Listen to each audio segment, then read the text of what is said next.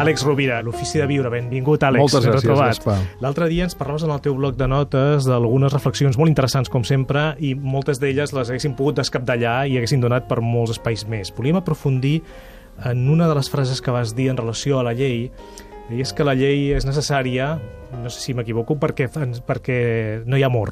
Correcte, és a dir, sí, sí, la idea essencial seria aquesta. La llei hi és perquè no sabem estimar. Si sabéssim estimar, no caldria regular perquè, em, encara que sigui un plantejament utòpic, no robaríem, seríem solidaris, em, miraríem d'ajustar-nos a la veritat, no miraríem de fer mal, Hi ha un per tant- potencial, per tant, de l'amor que no està prou desenvolupat. Correcte, és a dir, si al final hem d'educar en alguna cosa als nostres fills és a la capacitat d'estimar.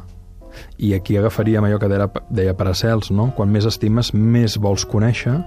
Quan més coneixes, més estimes, més aprecies, perquè més saps. I eh, quan més gran és el coneixement, més gran és l'amor.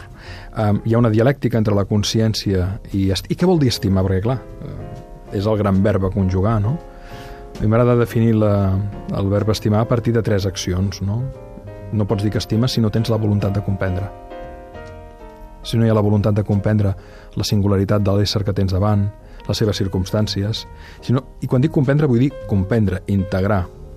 Uh, I voluntat vol dir, des, vol dir també amor, no? Volere, el desig profund d'entendre l'altre, no pots dir que estimes. Tampoc no pots dir que estimes si no cuides, perquè probablement el sinònim més directe d'estimar és cuidar. Algú que proclama que t'estima però que no et cuida, o si tu dius que estimes però no cuides, no hi ha un comportament absorba, observable que és consistent, congruent i coherent amb allò que tu proclames, no pots dir que estimes. I en tercer lloc, estimar és eh, ser l'exemple i inspirar l'altre perquè pugui esdevenir qui pot arribar a esdevenir, perquè lligant-ho amb el que dèiem l'altre dia, pugui actualitzar el, el seu potencial. Des d'aquest punt de vista, um, com que cal una profunda pedagogia sobre això que en diem estimar, perquè no és gens fàcil i perquè implica tota una sèrie d'habilitats que històricament no han estat incloses en el, en el afortunadament, darrerament cada cop més, eh?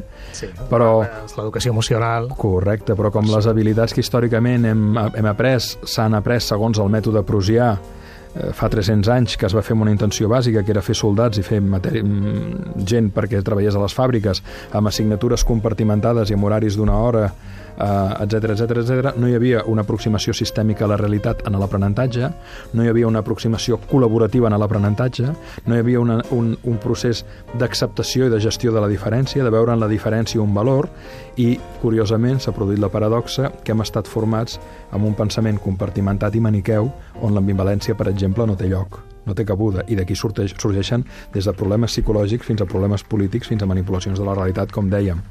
Per tant, de res serveix tenir actitud, coneixement, habilitat, si no hi ha una ètica, si no hi ha una reflexió, tornant al bé comú, que ens permeti entendre que, com deia Sant Exuperi, si volem un món de pau i de justícia hem de posar la intel·ligència al servei de l'amor. Amor entès com la voluntat de comprendre, la voluntat de cuidar, la voluntat d'inspirar i d'acompanyar.